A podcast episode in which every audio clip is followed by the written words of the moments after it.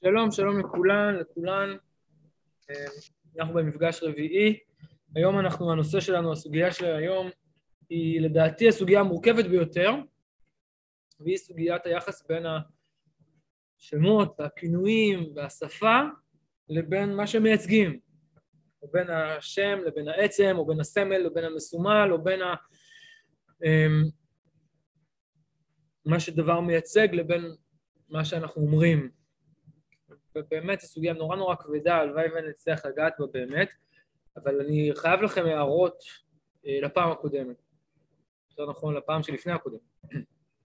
דיברנו על, אה, בעקבות השאלה של הדר, אז דיברנו על היחס בין, הצגתי את זה דרך הבעל שם טוב, כלומר, דרך הניסיון לדלג מעל השפה, או, או, או מעל התקשורת, או מעל המילה, או מעל ה... אולי אפילו מעל המשמעות. אמ, אז אה, יאיר, לא ראית את ה... בכל מקרה, אז ראינו ש, שיש איזושהי בקשה כזאת או גישה כזאת שמבקשת, אפשר לומר לדלג, אפשר לומר לבטל, אני לא רוצה להיכנס לחילוקים מה בדיוק, כן? אבל לדלג על התקשורת, לדלג על השפה, להגיע לאיזשהו סוג של עצם. והצגנו את הגישה של בעל שערי הוראה כגישה שלכאורה, על פניו, שוללת אותה. זו גישה חלופית, גישה של... נכנסת הרבה משמעות ו... וכבוד לשפה ו... ולקיום, ולא למשהו שהוא מדלג מעבר לו. בכלל זה דומה לגישה החסידית, למשפט המפורסם של חב"ד, שהם רוצים, זה קבלת הארי, הארי אומר שאם הקו שנכנס לתוך חלל. חלל הצמצום היה ממשיך עד למטה, עד לתחתית הכדור, אז כל החלל היה מתבטל והיה חוזר אור אינסוף, והחסידים אומרים על זה, מקובלים רוצים לעלות בקו, כלומר להתקדם בקו, או להידבק בקו, איך שתרצו, ואנחנו רוצים להמשיך את הקו למטה ובעצם לבטל את ה... לבטל את משמעות הצמצום. מכיוון שהקו גם מייצג אותיות ודיבור ושפה, אז זה בעצם לבטל את השפה.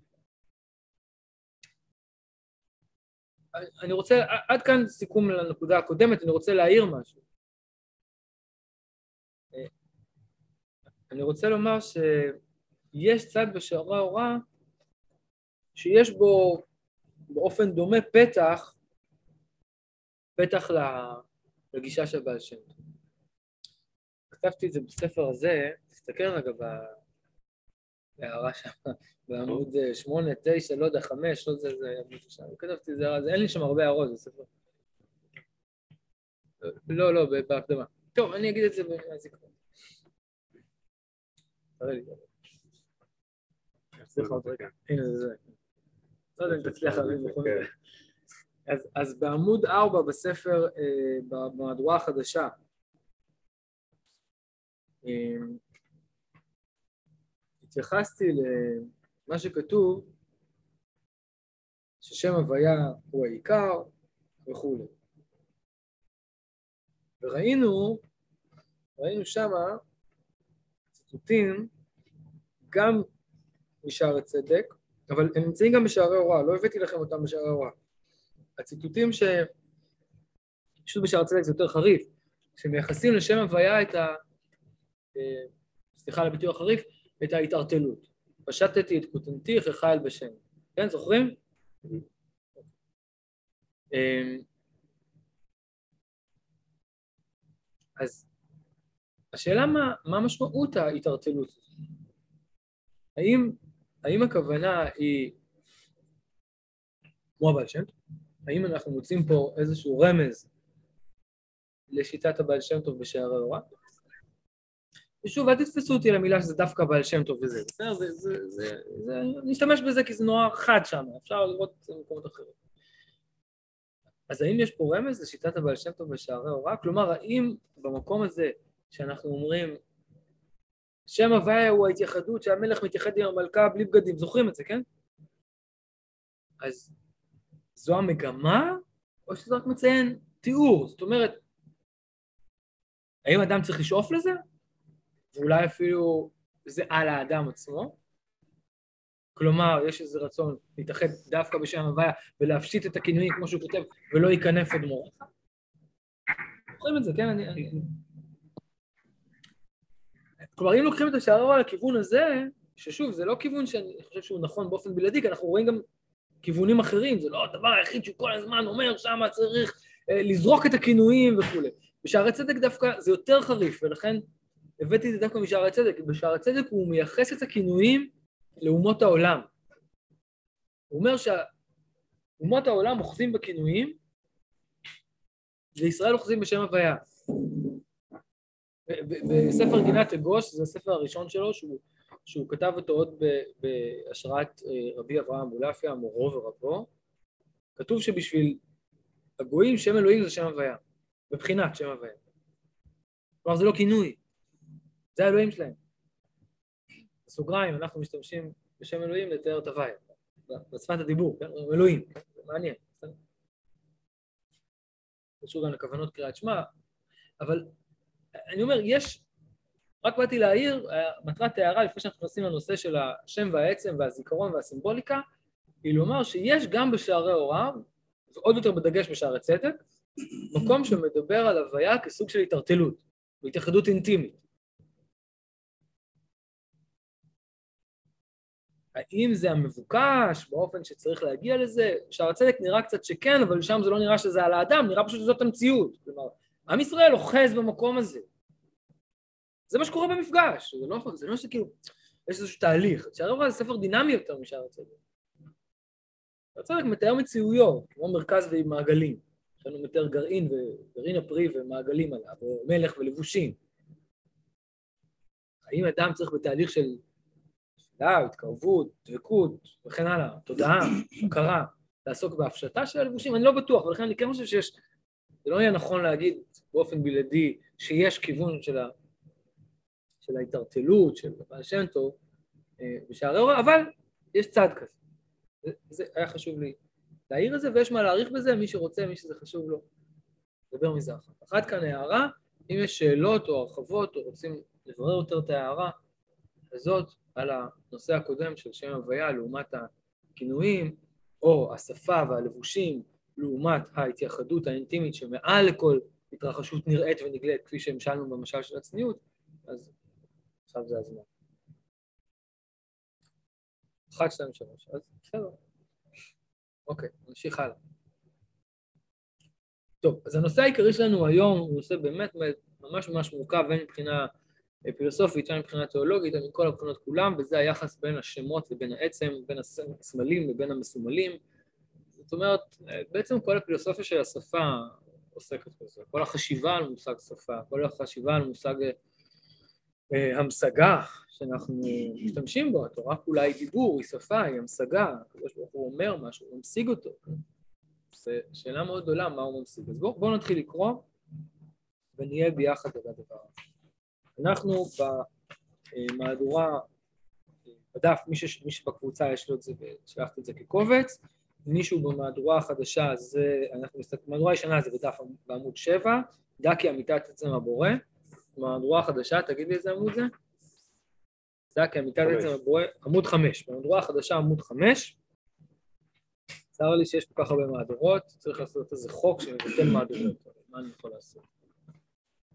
דע, והיום לא הבאתי אפילו את המהדורת ורשה, וגם לא את המהדורה שלך, שאני בכלל לא יודע איזה עמוד. אבל זה בהקדמה, דע כי אמיתת עצם הבורא אינה מושגת לזולתו.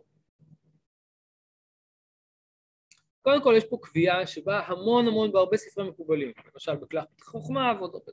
איננו מדברים מהאינסוף, איננו יודעים מהאינסוף. דע כי אמיתת עצם הבורא אינה מושגת לזולתו בכלל. ואין בכל המונה מה לא יודע מקומו, כל שכן עצם אמיתתו.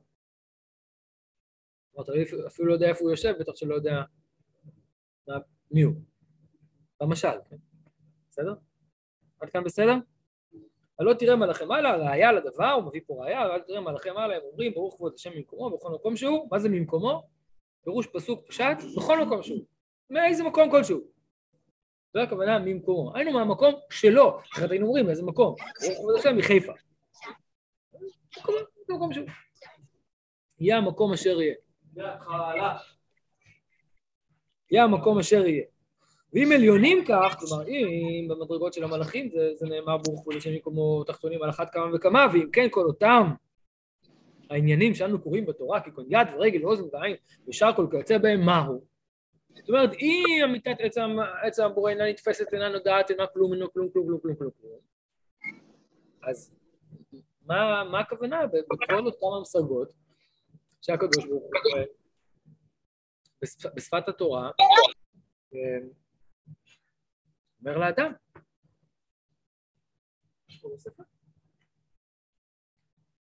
זו שאלה גדולה. הרמב"ם, אני לא, אני לא, זו לא הפרשנות שלי ברמב"ם, אבל אני מייצג את הפרשנות, ה, אני עכשיו אשתף אתכם בפרשנות הקלאסית, כאילו, הפשוטה.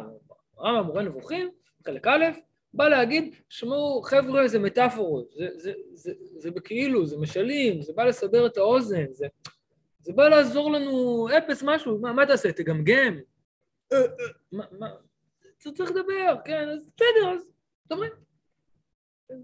להבדיל, להבדיל, זה דומה ליסוד הפילוסופיה, כמו של ויטנשטיין, שאנחנו באמת מבינים אחד את השני, אבל בסופו של דבר אנחנו יוצרים איזושהי שפת סימנים שמאפשרת לנו לבצע פעולות, מאפשר לנו, תעביר את המלח. בסדר, מלח, אתה יכול להצביע, כן? פיזית, אז זה קל. וכל דבר שאתה לא יכול להצביע פיזית, אנחנו מסתבכים. אפילו לא על אלוהים, כן? דוגמה מעולם הטיפול, זה קל לי להביא את זה, שכל פעם שמישהו אומר משהו, אתה צריך לשאול אותו, למה אתה מתכוון? אפילו אומר, אני אוהב. מה, זה, מה הכוונה אתה אוהב? ידוע מרבי לוי יצחק, שאומרים אוהב על אוכל. אי אפשר לאהוב אוכל, אוכל זה אהבה, לא הולכת על אוכל. לא רק בגלל המוסר, בגלל מושג אהבה, הוא לא, הוא לא שייך לשייכות, חשק. תנועה פיזית, וכן הלאה. כלומר, כל דבר שבדיבור, למה את מתכוונת, שאת אומרת וכו'. כן. אז הדבר הזה הוא דבר מאוד מאוד בסיסי בהבנת התורה, כלומר שוב, אנחנו לא עוסקים, עושים כאילו בקבלה ודברים מופשטים, אבל זה, זה א' ב' שאתה קורא תורה, מה הקדוש ברוך הוא רוצה שהוא אומר לך, באתי, ירדתי, ראיתי, ראיתי, ויני ויצ'י, כן? ראיתי ניצחתי, בסדר, מה, מה, מה, מה הכוונה? לא מתכוון, האם זה רק מטאפורות? אז רמב"ם אומר רק מטאפורות, זה רק בא לאפשר דיבור. בסדר? אחרת מה נעשה? נשתוק. בסדר? שיטת הרמב"ם מובנת? הלאה. אבל... עכשיו, דעתי בשיטת הרמב"ם היא שונה. תלוי במשמעות שיטות שמות המשותפים במורה הנבוכים. מורה הנבוכים אומר, יש שמות משותפים. רגל היא רגל, כלומר, הרגל האנושית לצורך העניין, אבל היא גם מסמלת איזשהו משהו אלוהי. למה יש שמות משותפים? מה מתכוון הרמב"ם במשמעות שמות משותפים? לי, לי יש שיטה שהיא קרובה לרבי יוסף שקטילה, ואני אמרתי, שווה, שווה לעיין, היא קרובה, לא מדויקת, לא בדיוק אותו דבר כמו שערי הוראה, אבל היא קרובה יותר ושווה לעיין בהערות של רבי יוסף שקטילה למורה נבוכים. אבל רק הקדמתי את הרמב"ם כדי להגיע לשיטה העיקרית של רבי יוסף שקטילה. אז, אז הוא מתעסק עם השאלה הזאת, והוא לא נותן את התשובה של הרמב"ם. הוא לא אומר, זה מטאפורות, בסדר? זה תלוי במושג, בסוגריים, אני אגיד, זה תלוי במשפט, באמרה, כרגע לא זוכר את מקורה, בחז"ל, כפי דעתי, לסבר את האוזן. יש שם, אין ניקוד בחז"ל, זה יכול להיות גם לשבר את האוזן. יש שם כמה אפשרויות להבין את המשפט הזה, אבל כן, אין, הדברים יכולים להיאמר, ככה, ככה פחות או יותר הלשון בחז"ל, אז מה לעשות? תן לאוזן מה שהיא יכולה לשמוע. אפס משהו, תגיד משהו, איזשהו, אבל אין שום הקשר אמיתי, בטח שלא מהותי, מעבר למילה שמאפשר תקשורת. בסדר? אבל הוא לא אומר ככה, לכאורה. בואו נראה בדבריו, נמשיך הלאה. עד כאן בסדר?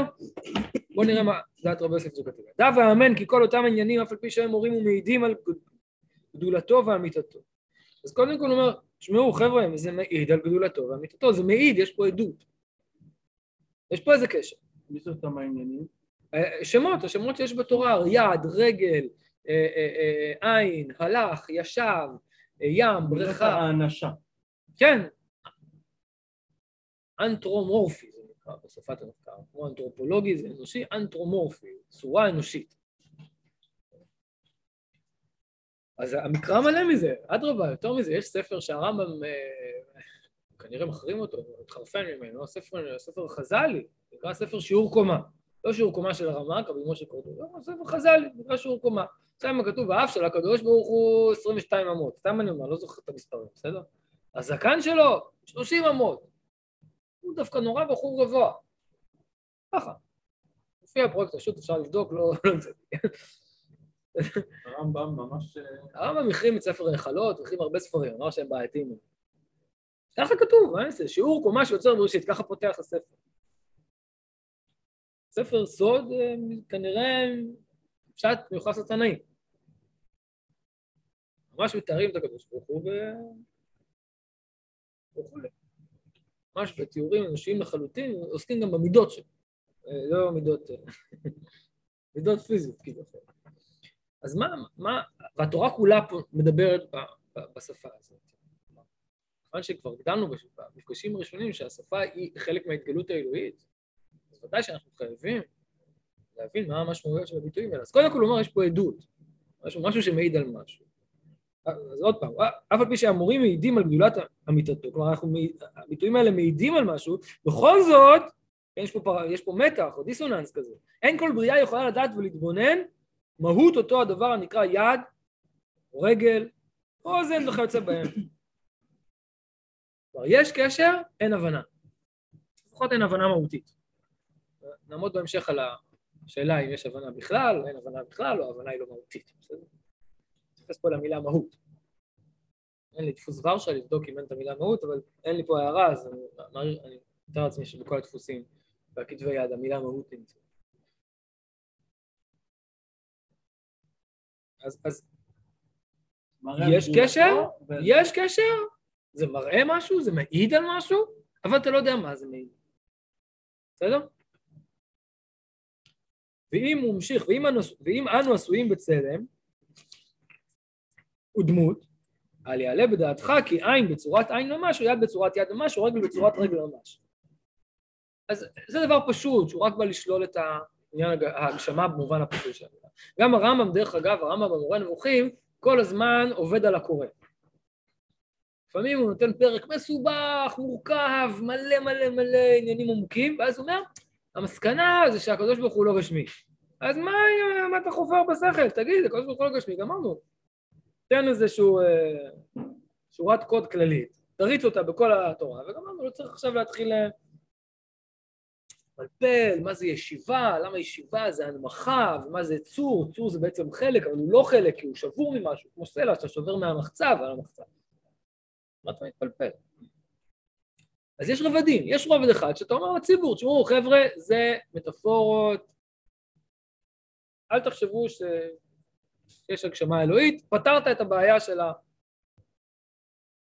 ההגשמה, עבודה זרה אם תרצו, או כל דבר אחר. פתרת את זה, פתרת את זה לציבור. מה האמת? האמת זה יותר מורכב. מעבר לרובד הזה, שזה הרובד שהוא ביטא פה עכשיו במשפטים האחרונים, אל תחשוב שזה באותה צורה. בסדר? אל תחשוב שיש לו דמות, אל תחשוב שזה באותה צורה. גם הרמב"ם ומורה נבוכים, הפרקים הראשונים עסוקים במילים צלם ודמות. מה, מה לעשות? פרשת בראשית מכניסה אותנו לפלונטר הזה, כן? אומרת שהאדם נברא בצלם אלוהים, מה הכוונה? שאלה קשה. אז קודם כל הוא שולל את הדבר הפשוט, וזה רובד ראשון. בואו נמשיך הלאה. אבל, אוקיי, אז זה לא גשמי, אז מה זה כן? אבל הוא עניינים פנימיים ופנימיים לפנימיים באמיתת מציאות השם יתברך. באמיתת מציאות השם יתברך. אשר מהם המקור והשפע יוצא לכל הנמצאים. אבל אין מהות יד כמהות יד, ולא תבנית יד כתבנית יד, כמו שאמר, ומיני ואשווה. על במזוזות ביתך ובשעריך. אני צריך למצוא מי להשתיק, אבל אני לא מוצא. אני לא... איך אני עושה מיוט על כולם? עשיתי. סליחה מכל המאזינים להקלטות. אמ, אז כן, אז אין מהות יד כמהות יד ולא תבנית יד כתבנית יד, כמו שאמר, ולמית הדמיוני והשווה. אז בסדר, זה לא דומה באופן החיצוני וזה גם לא דומה באופן מהותי, אבל זה עניינים פנימיים ופנימיים ופנימיים באמיתת מציאות השם יתברך. אז שני דברים אנחנו לומדים מפה. אחד, שימו לב שעל מושג אמיתת מציאות השם יתברך, הוא יכול להגיד שיש בה, הוא לא, בלי להתבלבל בכלל, כן? שמה?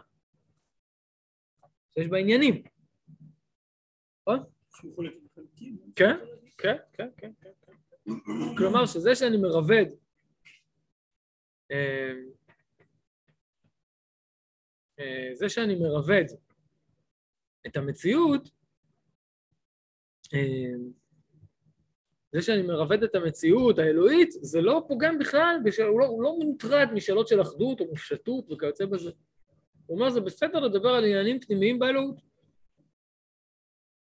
שאלה טובה כמובן, מה זה אלוהות?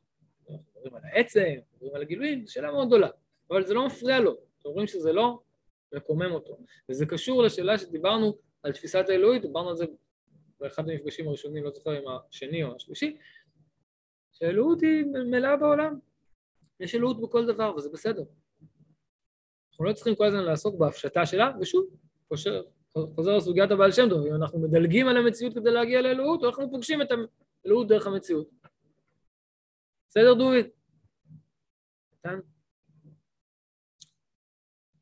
אמ,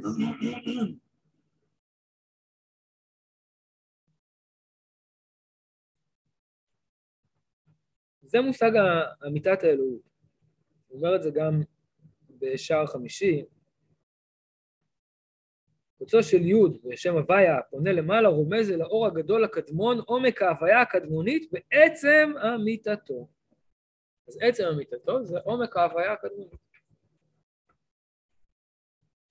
ואמיתת מציאות השם יתברך, היינו מצד עצמו. מצד עצמו אין, אין בעיה שלקדוש ברוך הוא יהיה מציאות כביכול של איברים, שוב, נכון, לא איברים שנראים וגם לא, מהות, לא באופן מהותי, זה לא עניין חילוק, זה לא חלוקה מהותית, סבבה, הכל בסדר, עשינו שלילות, עשינו שלילות, אבל אחרי השלילות, עדיין אנחנו יכולים לדבר על ריבוד אלוהי, וזה בסדר. נכון, במקובלים האחרונים, יותר מאוחר, רמק וכן יעסקו, האם זה באור, האם זה בכלי, בסדר, שאלות גדולות. אל תשכחו שאנחנו לומדים ראשונים, בסדר? יוסף ג'גתיה לפני גירוש ספרד, אז כמו שלומדים ראשונים זה דבר נורא גדול. כמו שלומדים רשב"א זה לא כמו ללמוד קצות, אה, שעוסק באיזה פרט, או מפלפל באיזשהו פרט, אה, בתוך איזשהו פלפול שכלי כלשהו, חילוקי חילוקים. מדובר בדברים רחבים, לומדים רס"ג, לומדים ראשון, זה דבר הרבה יותר רחב. זה רחב, אפשר לקלוט בהרבה תפיסות, ובאמת תלו בו תפיסות שונות, אנחנו רואים שמקובלים אחרונים יותר. ומי זה בו?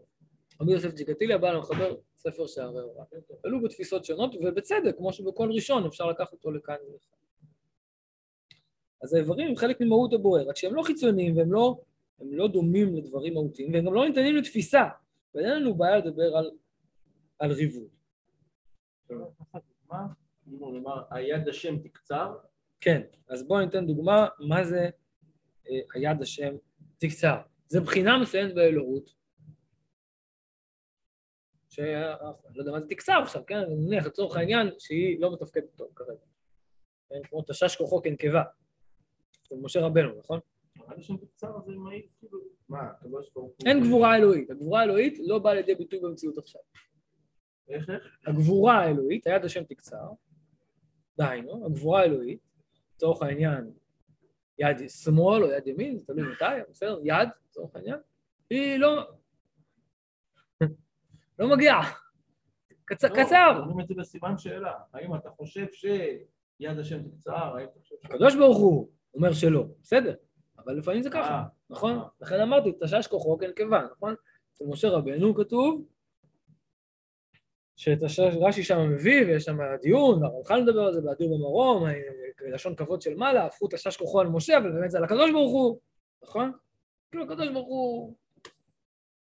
עייף. מה הכוונה? העצמות והמהות היא תעיפה? לא, העצמות והמהות אנחנו לא מדברים עליה בכלל, היא לא שייכת לעולם. פה אני מכניס דברים שמקובלים אחרונים, רק, רק כי, כי בדוגמאות קשה לי להתעסק בשורש.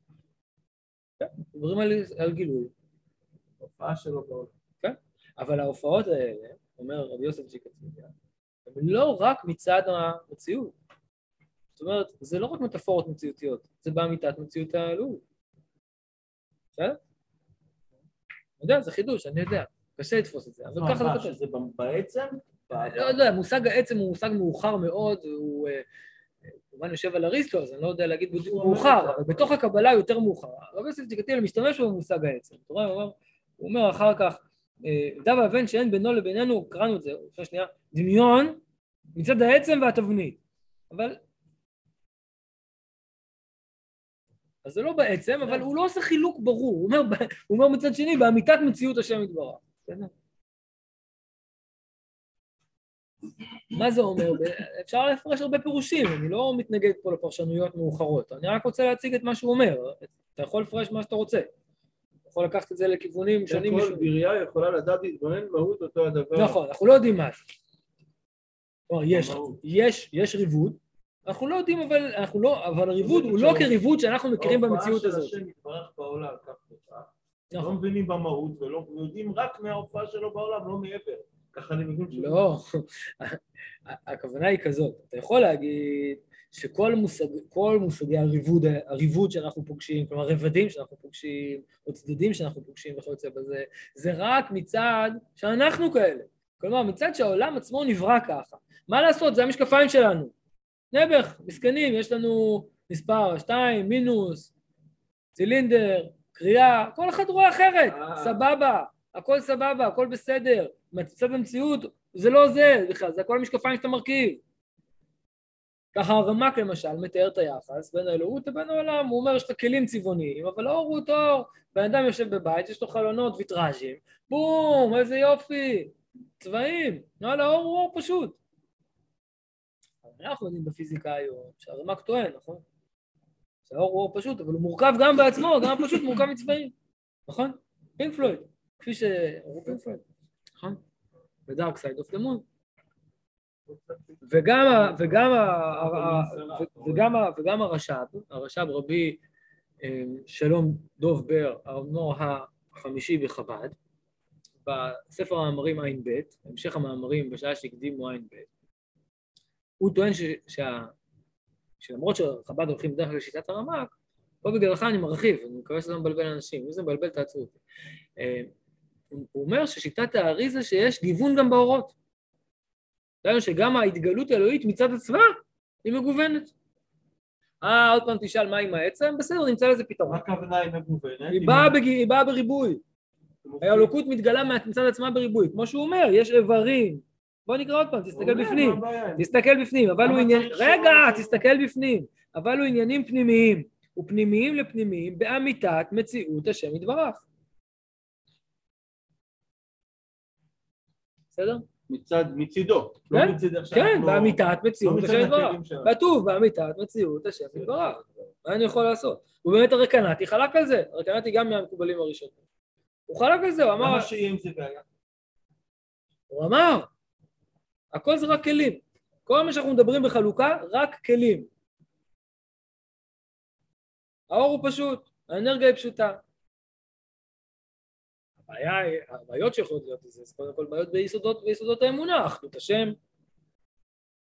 נכון, מאמינים באחדות, לא? מונותאיסטים. שמעתי פעם.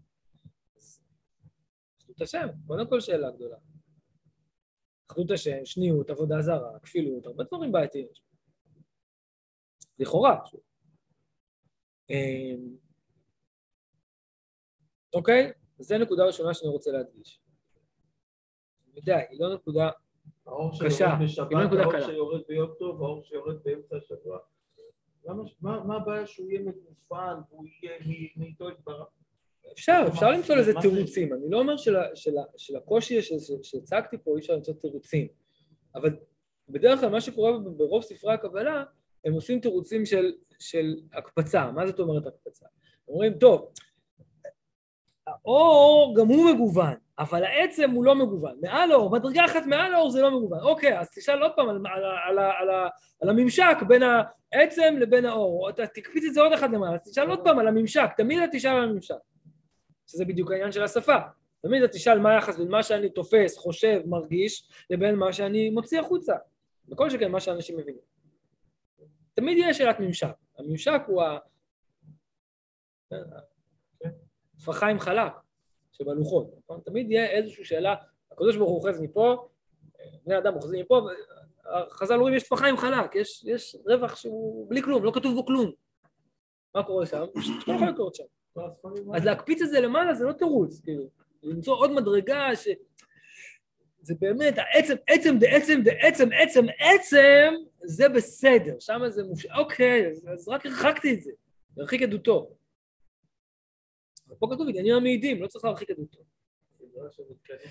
אז, אז, נכון, נכון, אתה צודק. עכשיו, אמ, בואו נמשיך לקרוא קצת. אלא,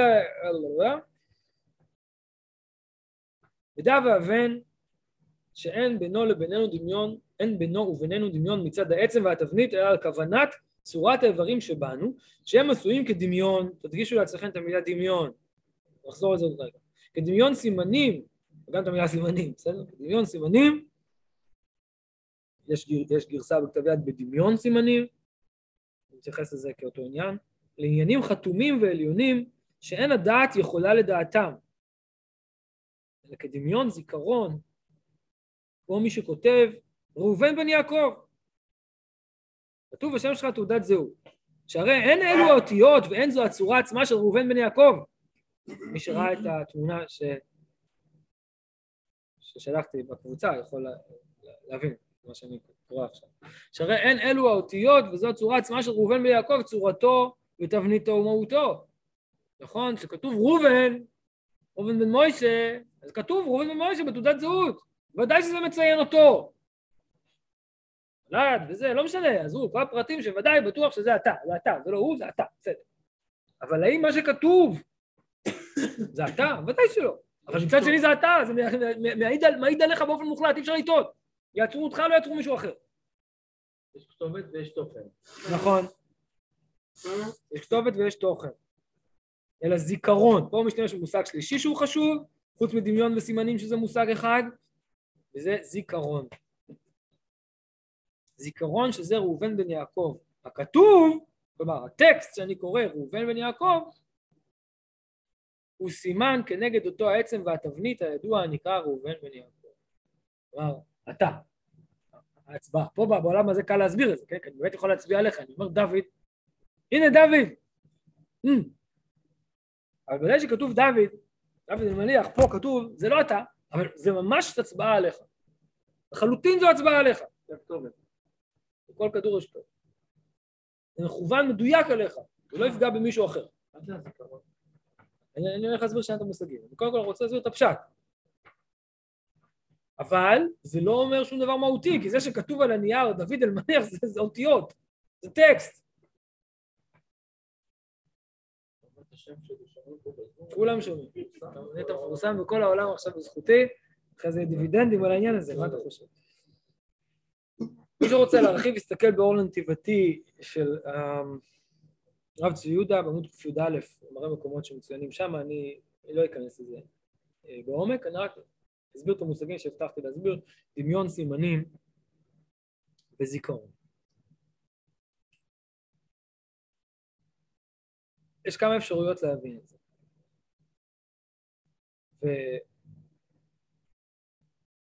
ויש לנו קצת זמן, אז אולי לא, לא טוב, קיצר, אני אנסה להסביר את זה בצורה...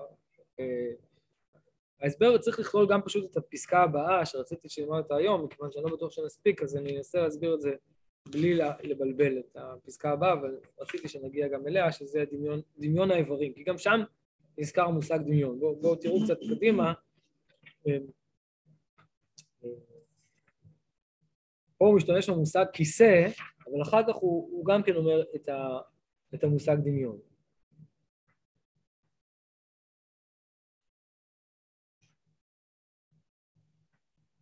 כפי, כמו שאין לעניין, עין ואוזן שיעור וגבול ודמיון, כך הוא הדין במידות, וכן הלאה.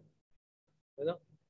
הוא חוזר ואומר, והכלל שיש לך להאמין בזה שאין דמיון בין מידותיו יתברך לבין מידותינו, זולתי בדרך הזכרת סימן השם לבד. אתם רואים שזה מופיע שוב על האיברים ועל הפעולות הממשיות, פיזיות, בסדר? כלומר, יש פה עוד רובד, מעבר לרובד השמי, שהוא הרובד שאנחנו עוסקים בו כרגע, שהוא הרובד הפרקטי והפיזי. מובן מה אני אומר? לא. בפסקה הבאה שלא קראנו אותה, הוא, הוא עוסק באיברים. יש יד, כתבתי, אמרתי יד, דיברתי על יד, כן? במובן הזה גם דיברתי על הליכה, שזה לא דבר שאני יכול לאחוז בו, אבל זה כן מושג שמתייחס אל עולם הפיזי. אה, אבל. יד ממש זה יד, בסדר? או מעשה שקשור ביד, כמו להניח תפילין על היד. זה לא פעולה מטאפורית. אז הוא, הוא בא להגיד שיש עוד רובד של הקבלה. מעבר לרובד השמי, יד כשם, או הליכה, או ישיבה. יש רובד פיזי, פעולה. כן, ואז יוצא פעולה או, או, או חומר, כן? אני מתייחס לזה כאותו דבר? אז, אז יש לנו רובד של פעולת חומר, שהוא קורא לזה איברים, יש לנו רובד של שמות, שבתוכו יש, כפי שראינו, גם כינויים וגם שמות, ויש בו כמה, כמה מדרגים בתוך מושג השפה, יש מושגים חיצוניים יותר ופנימיים יותר, שאנחנו הסברנו אותם דרך המשל, שיש בשפה צד של ביטוי עצמי וצד של תקשורת, בצורה נורא פשוטה, אני פשוט חוזר קצת, שזה מובן. ויש צד שהוא בלתי, בופ, בופ, כאילו, הוא בלתי נתפס, הוא, הוא מעבר לזה. הצד שהוא קורא לו דברים באמיתת מציאותו יתברך. עכשיו הצד הבלתי נתפס הוא קשור, הוא קשור, וזה קשור למושג סוד האיכות שהוא ישתמש בהמשך. כל הצדדים הם קשורים, הם צריכים להתייחד, צריכים להיות אחד. ופה יש חידוש גדול, בשביל קשר לא צריך להבין. אתה יכול לשיר מה זאת אהבה וזה בסדר, אתה לא יכול לדעת מה זה, זה אין בעיה. אה, תגידו, אם אני מתקדם מהר מדי, תעצרו אותי, בסדר? אה, תגידו, דיברנו בפגישה הראשונה שהוא כל הזמן מייחס את התפילה גם כן ללימוד התורה וההבנה. זה בסדר, זה לא אומר שאין בזה צד הבנה. זה לא אומר שאני בא לשלול, שאם מישהו רוצה לחשוב על זה, אני לא, עזוב אותך, אל תחשוב, תעשה. ההבנה היא חלק חשוב מה- מהמהות האנושית. כן, זה כמו שינוי ב... שוב, אני אתן דוגמה מעולם הטיפול, זה כמו שאדם עובר שינוי. אפשר לעשות שינוי בהרבה צורות, דרך סמים, דרך שוק חשמלי או דרך דיבור. וגם יש שינוי דרך, דרך אה, רגש, שזה יותר חשוב. אבל גם הרגש נוגע בשכל. האם אפשר לעשות שינוי רק דרך שכל? היום אנחנו יודעים שזה כמעט בלתי אפשרי. רוב האנשים אומרים, אני יודע שסמים זה לא טוב, אבל אני לא מסוגל להפסיק. הוא יודע, הוא מבין. יכולים להבין את זה רפואית, הוא יכול גם להבין את זה פסיכולוגית, הוא יכול לקרוא את כל הספרים ולהיות מומחה לעניין של התמכרות ועדיין יהיה מכור. השכל לא משנה כשלעצמו, אבל לשלול אותו, להגיד, עזוב, אל תבין, תעשה, זה לא מאפשר את המכלול השלם. כפי שהסברנו בשם הוויה, שם הוויה מייצג את המכלול השלם. הוא השיר שמעבר למילים. כן? הרי הוא אומר שהתורה כולה היא שם הוויה, נכון? הוא משתמש בביטוי, בביטוי התורה נהרגת. זוכרים את זה?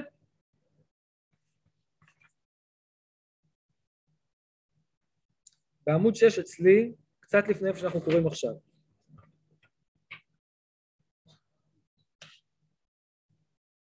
יש כל מיני שמות, הוא כותב, עובר על פשע, אדיר, שופט דיין, רואים?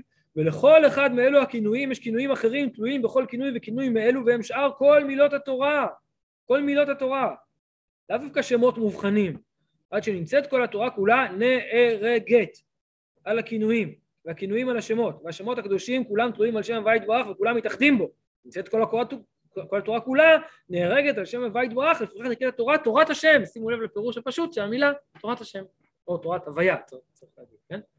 בסדר? אתם איתי? המושג נהרגת, צריך להבין אותו דרך לטינית. מכירים את המושג טקסטיל? מה זה טקסטיל? אריג, נכון? מה זה טקסט? שילוב של דברים שנהרגים ביחד לכדי משמעות. עכשיו, קח חוט ועוד חוט ועוד חוט, זה חוטים. כל חוט שלעצמו הוא חוט. בפרט אם אנחנו מדברים על הרגים כמו שהסבתות שלנו עשו. לוקחים כל מיני חוטים, בסוף יוצא משהו יפה כזה. לא... איך קוראים לזה? שכחתי. יש לזה שם, לא שכחתי איך עושים. היו קונים פעם כאלה, לא סורגים, לא, היו קונים כזה רשת עם, אה, צבע, אה, במספרים, ואז היו הורגים, מכניסים חוט בתוך חוט בתוך חוט ועושים אחד למעלה, אחד למטה, ואז יוצא כזה מלא מלא מלא גוונים. מה? מקרמה. מקרמה, מקרמה כזה, נראה לי קוראים לזה מקרמה. לא בטוח, לא משנה. בכל מקרה, היו הורגים והיה פתאום הרבה הרבה חוטים ביחד, היה יוצא מכלול. עכשיו, כל חוט כשלעצמו הוא כלום. לא יודע אם כלום, הוא- הוא מושג אחד. הוא גבורה, הוא חסד, לא אכפת לי. כן. אבל, אבל ה- ה- המארג כולו יוצר משמעות שהיא גדולה מסך המילים. בסדר? יש אמיר...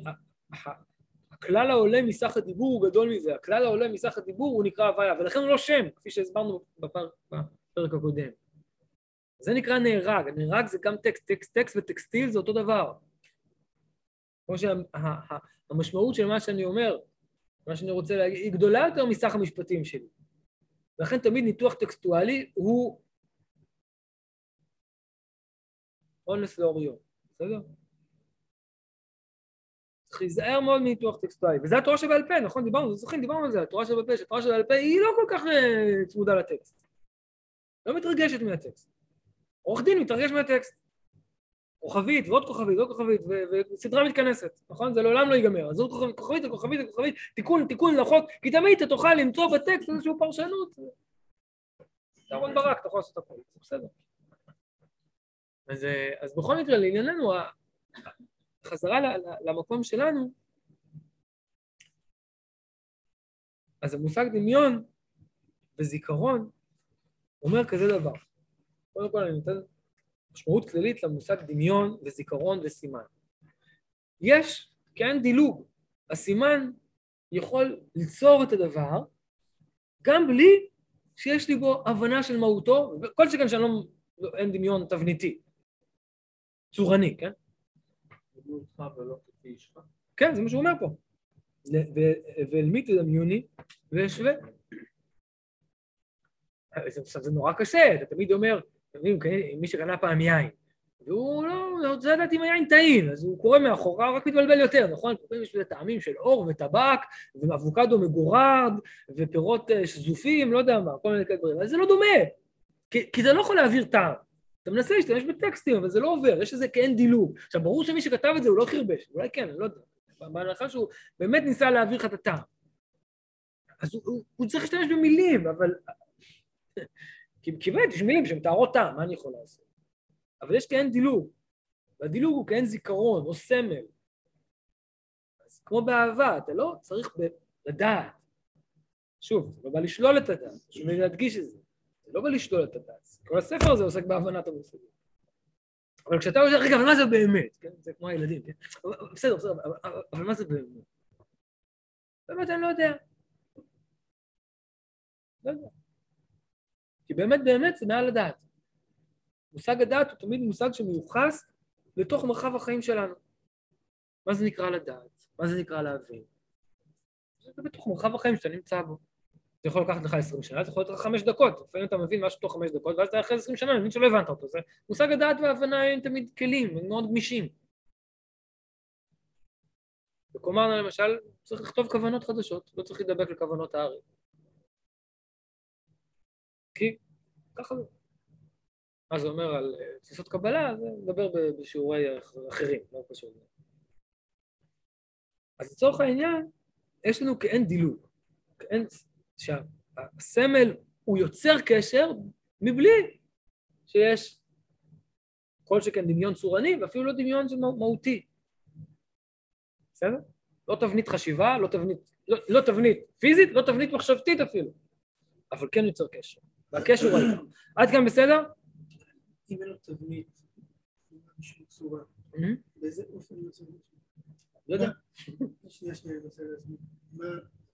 אם אנחנו אומרים שנניח שזה כמו ראובן בין זה, כן. באופן עקרוני היה אפשר, אם ניקח את זה רחוק, היה אפשר גם שכל האותיות יראו אחרת. כן, שמשולש במקום רייש וכולי נכון. נכון, שיהיה R במקום... נכון. אז איפה, לא, אה, באיזה צורה נוצרו הסימנים הללו שמסמנים את הדבר העליון, ואיך הם שומרים על איזשהו קשר? לא? אז קודם כל הוא אומר, הוא אומר שהאיברים הם אלוהים, זאת אומרת, אה, האיברים במובן של שמות, כן? המושגים האלה, מושגים אלוהים. יכולים לתפוס את האלוהות דרך הריבוד המושגי. למשל גם באותיות ראובן, באותיות לא כאילו. כשאנחנו קוראים אותם, עוד פעם, במשל זה רוצה כזה דבר, כשאני אומר ראובן, אז ראובן בן יעקב, אז רק טקסט. אבל הטקסט הזה אכן מכוון למישהו ספציפי. הוא- מצביע מישהו ספציפי, הוא מצביע כן, על לא, ראובן בן יעקב. יש לך הצבעה של פרוקסי, שזה מקושר באיזשהו חוט דמיוני, שלטוני, משהו למשהו אחר. כן. יש לך דמיון של צל, של אפלטון. איזה, קישור יש פה בין הטקסט לזה, אם הוא לא מסמל שום דבר אצלו? השאלה פה שנשאלה, אני חוזר על השאלה היא כזו. למרות שאמרתי שזה באופן כללי, יש קשר בלי להבין, בכל זאת להבין. טוב, אז ננסה לענות את זה בכל זאת. וזה באו המקובלים האחרונים יותר והתעסקו עם זה. למשל, היו כאלה שטענו שזה קשר של פעולה. מה זאת אומרת? כשאתה אה, אה, מחייך, אומר מישהו, שלום, מה שלומך? זה עובד. זה עובד. יכול אחרי זה לחקור למה זה עובד, אבל קודם כל זה עובד. בסדר? יכול לבודד אולי את הרכיבים, אבל זה עובד. אז בעצם מה שהרב מנסה לומר ש... לא, אני לא אומר שזה מה שהוא אומר, אני אומר, יש כאלה שבאו להגיד שזה קשר של אני לא חושב ככה שזה כוונתו. אני חושב שהשלילה המאוד מהותית שלו, של השימוש, כמו שדיברנו במפגש הראשון, שימוש בשמות, כן? שימוש בשפה, שיווק, כן? כל כך שולל את זה, שקשה לי להגיד שהוא הולך מאוד מכיוון הפעולה. אז לאיזה כיוון כן הולך? אבל זה? פירוש אחד שפירשו, זה פירוש אחד ש- ש- שפירשו, שזה הולך לכיוון הפעולה. פירוש שני זה כיוון של שפע. מה זאת אומרת שפע? כיוון שיש איזשהו יחס כלשהו, נכון, אני לא מבין את היחס כלשהו, אבל היחס ברק אומר שהדבר הזה קשור לדבר הזה. בואו נעשה איזה סוג של התאמה. כמו ב-DNA, כן? זה כן, שני הסלילים, כן? אז יש קשר, אז הם משפיעים אחד על השני. אז כשאדם עושה פעולה מסוימת, מדבר דיבור מסוים, הוא זוכה להתקשר למרחב מסוים. שופע עליו שפע גבורה, אם הוא מתעסק עם גבורה. זה אפשרות נוספת. כלומר, השם מתאר את הפעולה האלוהית, לא את הפעולה האנושית, כמו, כמו, האפשרות הראשונה, אלא את הפעולה האלוהית. הקדוש ברוך הוא יכול להשפיע חסד, ככה קוראים לזה. קוראים לזה יד ימין. זה השם. הקדוש ברוך הוא משפיע לך חסד, הוא מחבק אותך בימין. וימינו תחבקנו. סבבה. כשאתה תואם לחסד הזה, בין אם תואם, בין אם תואם אליו בדיבור, בין אם תואם אליו במעשים, אז אתה זוכה לו. מעניין, דרך הקודש וההשוויה, דרך הקודש, דרך הקודש וההשוויה, לרב קוק, אורות הקודש ג' בהתחלה. דרך הקודש והדמיון, משהו כזה. נדבר על זה. זה אפשרות שנייה. אפשרות שלישית, לא, לא, לא, לא, לא, זה באמת באלוהות. מה זאת אומרת? הקדוש ברוך הוא נתן לנו אמצעים להשפיע עליו. זה לא פתיחות לאיזשהו שפע, דרך דמיון. רבי מאיר בן גבאי מאוד אוהב את זה. עבודת צורך גבוה. אנחנו באמת, יש לנו כאין שותפות בעולם האצילות, כאין שותפות בהנהגה האלוהית, ודרך זה שאנחנו מסדרים את מעשינו, מחשבותינו, כל הדברים שאנחנו עושים, כל מרחב החיים שלנו, מחשבה, דיבור, מעשה, באופן מסוים, אנחנו משפיעים על האלוהות. בסדר? יבוא ברב קוק במוסר אביך, מי שרוצה את ההקבלה של זה אצל הרב קוק, במוסר אביך, עבודת צורך גבוה. ומי שבעיקר מדגיש את זה, זה הביטוי הוא ביטוי של חז"ל, כן? מדגיש את זה רבי מאיר בן גבאי. זו אפשרות שנייה. אפשרות שלישית, שאני מצטער שאני חוזר לעמוד עליה, זה המושג דמיון. ולשאול על הדמיון איך הוא קשור, זה לא שאלה נכונה. אומר, וואו, הצבע, וואי, הצבע הזה, מה זה מזכיר את הדובדבנים בבורדו? תסביר לי איך הוא קשור. יכול להיות שלמישהו אחר, כאילו, זה, הדמיון הוא לא תבניתי, קשר זה לא, קשר זה לא תבניתי. זה כמו שידוכים. אם השידוכים, אם האהבה הייתה תבניתית, אז אה, לא היה צריך פה, אנשים, עם- שטחנים מאבדים פרנסה, נכון? כי כולם היו יכולים להריץ את זה בתוכנה. יש ולא. איפשהו מרחב בין תבניתי לקאוטו. יש משהו באמצע שיש תקשורת. אבל התנועה לא הזאת. התנועה בין, אני לא, לא רוצה להגיד כאוטי, כי כאוטי זה קשור למושג קצת אחר. תבניתי לא חייב להיות, ההפך מתבניתי לא חייב להיות כאוטי. אבל כמו במדרש המפורסם על שידוכים, תשים שורה, תשים שורה, זה לא ילך. אז מה כן ילך? בואו נעשה מחקר ונמצא. אז עושים המון מחקרים ועדיין זה סוד. תמיד אתה יכול לחשוף רבדים, וזה מושג הרבדים, אתה תמיד חושף חלקים מההנהגה האלוהית. אתה כן יכול להגיד מידה כנגד מידה, חוץ ממתי שלא. חז"ל כל הזמן אומרים את זה, נכון? הקדוש ברוך הוא מידה כנגד אה, משה רבנו אומר, אבל למה לא? עזוב. מידה כנגד מידה. ככה אני רוצה לזהות את עצמי. אבל אתה עושה לא ככה, נכון? בסדר, יש חריגים, אבל ככה אני רוצה לזהות את עצמי. אז מה זה? לא יודע להגיד לך.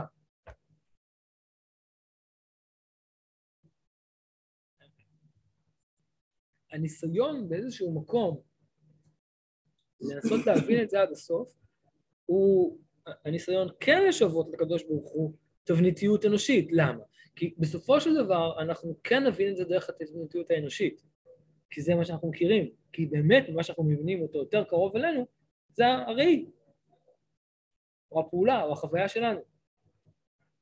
עכשיו, אני לא אומר שבתפיסות מאוחרות יותר, כמו רמ"ק סלש חסידות, לא הלכו לכיוון הזה. וזה כן אולי ייתן מענה יותר קרוב למה שאתה שואל. מבשרי איך זה לא כרמ"ק, והחסידות זורמת על זה גם כן. נמשיל מהגשמי אל הרוחני.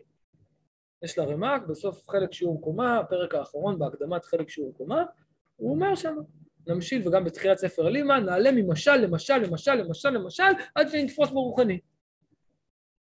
בסדר? אני לא אומר שזה לא קיים. אני חושב שהוא לא הולך לכיוון הזה. כי הוא כל הזמן אומר, זה סימבולי, ולסימבול אין, אין, אין, מסמל, אין מסומל. אין מסומל אמיתי.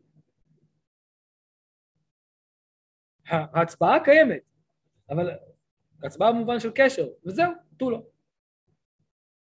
זה מה שכתוב, מה אני יכול לעשות? ולכן אני מאוד נדבק פה בפשט, אני יכול אחרי זה להוסיף עוד הרבה דברים, אין, אין לי בעיה. אין לי בעיה להוסיף פרשנויות כמו שראיתם, מעבודת הקודש וזה, תסתכל שנייה, כתבתי לעצמי פה עוד, אם אתה רוצה עוד. אבל, אבל אני חושב שה... השערי ההוראה כשלעצמו, הוא כל הזמן אומר, אתה לא מבין, אבל זה קשור. וכיוצא בזה לגבי האיברים, בוא נקרא קצת על האיברים ותראה. לפי ששן ברח רצה לזכותנו, ברא בגוף האדם כמה איברים נסתרים ונגלים, בדמיון סימן למעשה מרכבה. למושג המרכבה אני לא אתייחס הפעם, אני אתייחס בפעם הבאה. ואילו יזכה אדם לתאר איבר מאיבריו, יהיה אותו איבר כדמיון כיסא לאותו דבר העליון הפנימי הנקרא בשם זה. עם עין עין וכולי. כיצד כגון שנזהר ונשמר אדם אחד במראה עיניו שלא יביט ולא יסתכל בדבר ערווה ולא בשאר כל דבר של גנאי, אלא בכל דבר שהוא קדושת השם ועבודתו. אז אותה עין נעשית כמו כיסא לאותו הדבר, נקרא למעלה עין. וכן היד והרגל ושאר כל האיברים, ואז יש דמיון, יש התאמה. תגיד איך אבל, איך, איך יש התאמה? לא יודע. הוא אומר את זה בהמשך. דלגו קצת קדימה, תדלגו על האבות, תדלגו על המידות להיות באיברים וכולי, ואז הוא אומר, הנה המידות נמשכות אחר האיברים. לפי שהזכירו חז"ל כלפי מעלה לשון מידות, יש לך לדון עניין המידות כמו, שלך, כמו שיש לך לדון מידת עין ואוזן ויד ורגל שאמרנו, וכמו שאין ערך בינינו בעניין האיברים, כך אין, אין ערך בינינו לעניין המידות. מה אפשר לעשות?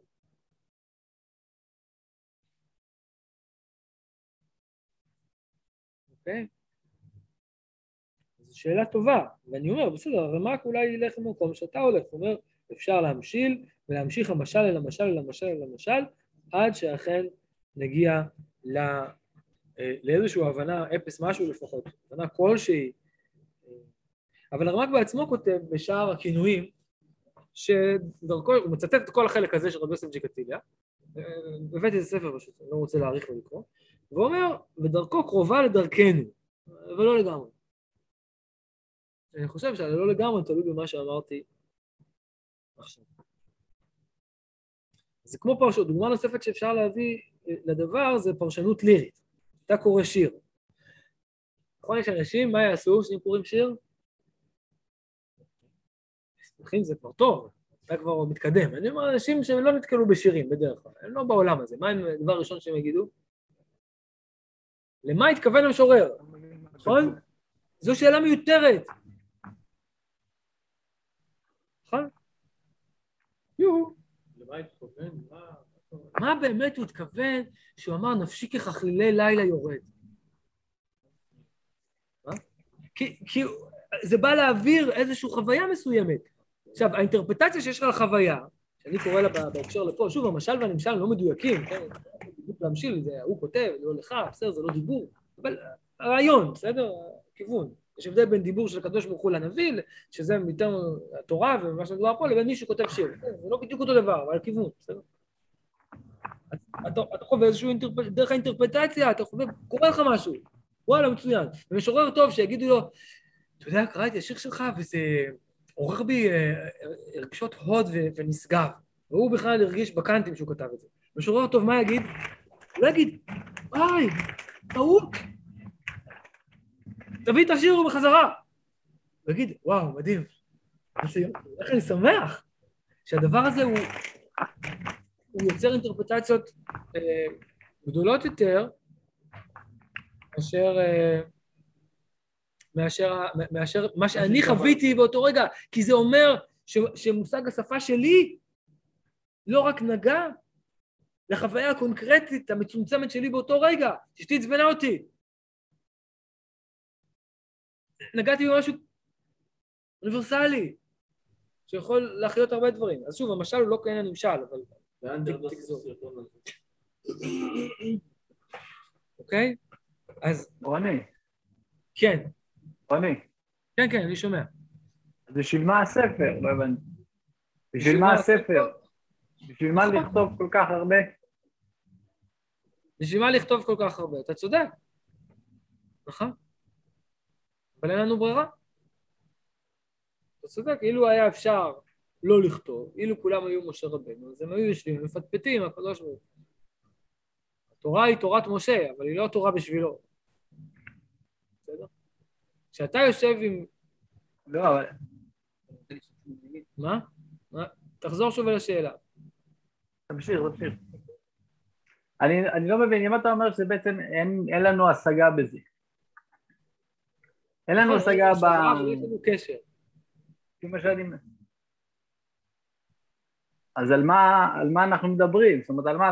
הספר הרי מדבר על השמות. הוא- לא, אז אמרתי שני דברים. אז מה הוא עושה איתם? אמרתי שני דברים. אמרתי, זה שאנחנו לא עוסקים ב- בשאלה מה בדיוק יוצר את הקשר, ואנחנו לא מבינים עד הסוף מה בדיוק יוצר את הקשר, זה לא אומר שמרחב ההבנה, הוא, זה לא מייתר את מרחב ההבנה. כי כשאתה לומד תורה, ודאי שיש גם מרחב הבנה. מי שדיברנו על זה בהקשרים הקודמים, דרך הבעל שם טוב. הבעל שם טוב מפרק את התורה לרסיסים. ובזה דומה, להבדיל, להבדיל, להבדיל, ג' פעמים, לפילוסופים המפרקים, הרקונסטרוקטיביים, רקונסטרוקטיביים, כן, שמפרקים את השפה מה- מהמשמעויות שלה. אז בעל שם טוב אומר, "תתייח- ת- ת- תתייחס לאנרגיה שיש באותיות, אפילו לא למילה. בוא אל התיבה, בוא אל האות שבתוך התיבה. אז בשביל מה יש מילים? שכולם יחללו, יגידו א', ב', ג', כמו בסיפורים של בעל שם טוב, נכון? וכבר הזכרתי בשיעור הקודם, שזה שאנחנו אומרים שם הוויה בתפילה, נמי, אני לא מבין את הבעל שם טוב. אז אני מסביר לך. אתה לא מבין, אני מנסה להסביר. אה, כבר אמרתי במפגש הקודם, שמה שאנחנו משתמשים בשם הוויה בתפילות, זה בגלל המרחק. אנחנו קוראים הכל, הכל. כל הסידור, כל- האותיות, כל הצירופים, כל המערב, כל התורה. בסדר? אם היינו קרובים ומדייקים, היינו יכולים אמור מילה למעני, כן? יכולים להגיד את המילה ממש, אבל יש לנו מרחק מסוים, אז אנחנו אומרים את המכלול, שבאמת המכלול יותר חשוב. אנחנו בעצם כן עושים סוג של דילוג על השפה כיום, אנחנו אומרים הוויה וזהו. בלי תפילה מכוונת לצבאות וזה, כמו שנראה בהמשך, דרך חנה. אנחנו לא, לא עוסקים באיזה ניגון מיוחד, אנחנו לוקחים את הניגון הכללי, זה כמו שיש כאלה את, חזנים עם ניגון אחד, יש ניגון, מסורת, הכל, תשע, באב, פורים, ניגון. ניגון טוב, מעורר את הלב באופן כללי, זה בסדר. אז למה כותבים? כי, כי כן יש הקשר מאוד חשוב להבנה, ברור, כשאתה כן מזכיר שם הוויה, וכן תופס שיש בו איזה סוג של התייחדות אינטימית, כמו שראינו בפעם הקודמת, בטח שזה משפיע על, ה, על חוויית ההתקשרות, בטח שזה משפיע על חוויית ה- החיים שלך, בטח שזה משפיע על התפילה שלך, בטח שזה משפיע על התודעה שלך, בטח שזה משפיע על הצורה שבה אתה מסתכל בעולם. עכשיו תשאל עוד שאלה, שהיא לא קשורה לממד הקשר החווייתי, המתקיים, האנרגטי, איך שתרצה לקרוא לו, המתרחש בפועל כרגע. אבל איך זה עובד? אתה, אתה, אתה, אתה מבין את הדילוג ש, שקורה עכשיו בעצם השאלה? כשאתה פוגש את אשתך, אתה לא אומר, מה קורה פה במפגש? בוא ננתח אותו, בוא נחבר אלקטרודות, ונבין איך זה שאני אומר, עושה משהו, קורה לה משהו, ו... זה כבר שאלה שמוציאה אותך החוצה. עכשיו, זה בסדר גמור, גמור לשאול את השאלה הזאת, הוא שואל אותה בעצמו, אבל הוא אומר, פה אני לא יכול להגיד לך תשובה, כי זה לא פועל בצורה של תבנית שכלית. אבל זה לא אומר שאין קשר. קשר מתרחש, כשהקשר מתרחש אתה לא עוסק אפילו בשאלה של התבנית השכלית. ואדרבה, כשאתה לומד את כל הספר הזה, כשאתה מדבר את הדברים זה חי בך, בהנחה שהפנמת את הדברים, כן? לא, לא שזה נעשה בצורה של... טוב, אז... אז... אמ, נגיד רק עוד, אני יודע שעברנו את הזמן בשתי דקות, אבל כיוון שתיארתי את זה דרך פרשנויות של עבודת הקודש, רבי מאיר בן גבאי, הרמ"ק וכן הלאה, אני רוצה להגיד פרשנות שהיא יותר, אני מקווה שתענה לשאלה שלך, גם. אז איך זה באמת קורה? פרשנות שהיא יותר קרובה לרבי יוסף ג'קטילה. אני לא אפתח את המקורות, תאמינו לי שזה כתוב. כתוב בעיקר בשערים אחרים. וזה קשור למושג הדבקות. כלומר, הם, יש מושג בשערי ההוראה שנקרא סוד הייחוד. זה לאחד את כל המדרגות של שם הוויה, או באיזה, במילים אחרות, כל המדרגות של המציאות. לאחד את המציאות הגשמית, כפי שקראנו לה, דהיינו את השפה המילולית, אולי אפילו את השפה של עורכי הדין, ממש כמו שקראנו לה, יחד עם השפה הבעתית, יחד עם השפה התקשורתית, יחד עם המשמעויות הרוחניות, יחד עם ה... עד למושג העצמאות. מושג הייחוד מאחד את כולם. במובן הזה חייבים את ההבנה גם. לא כי ההבנה עושה האקסטרפולציה, הקפצה של המדרגה האנושית לתוך המדרגה האלוהית ואני יכול לתפוס את האלוהות, אלא כי ההבנה היא חלק מהרבדים האלה, וכדי ליצור ייחוד שלם אני חייב ליצור את כל הייחוד. לא יכול לטרפד חלק מהזהות שלי, חלק מהאנושיות שלי, בסדר? לא כי זה, לא צריך את זה, בשבילו לא צריך את זה, בשביל להבין מאיזה לא צריך את זה, זה אפילו אולי יפגום. אין לי הבנה. אבל בשביל ליצור את הייחוד, אני צריך את כל הצבעים, את כל החוטים במארג. אז צריך גם הבנה, בשבילי. אבל בשבילי זה לא כי בשבילי לסבר את האוזן, נעבך מסכן, בן אדם לא מבין כלום, תגיד לו משהו. תצור לו איזה וורד, מבין משהו. לא, כי זה חלק מהמארג האלוהי, גם האדם והאיברים שלו הם חלק מהמארג האלוהי, ואם כולם יהיו שלמים בכל צבעיהם, אז יהיה מושג של ייחוד שלם, וזה מושג הדבקות. ופה מושג הדבקות הוא לא פה החוויה החסידית, איזו דבקות אישית, אקסטטית, אלא עולם שלם, מארג שלם, שהאלוהים והעולם והאדם והשפה, הם כולם מייצגים תמונה אחת שלמה, הם כולם מייצגים איזו איכות אחת.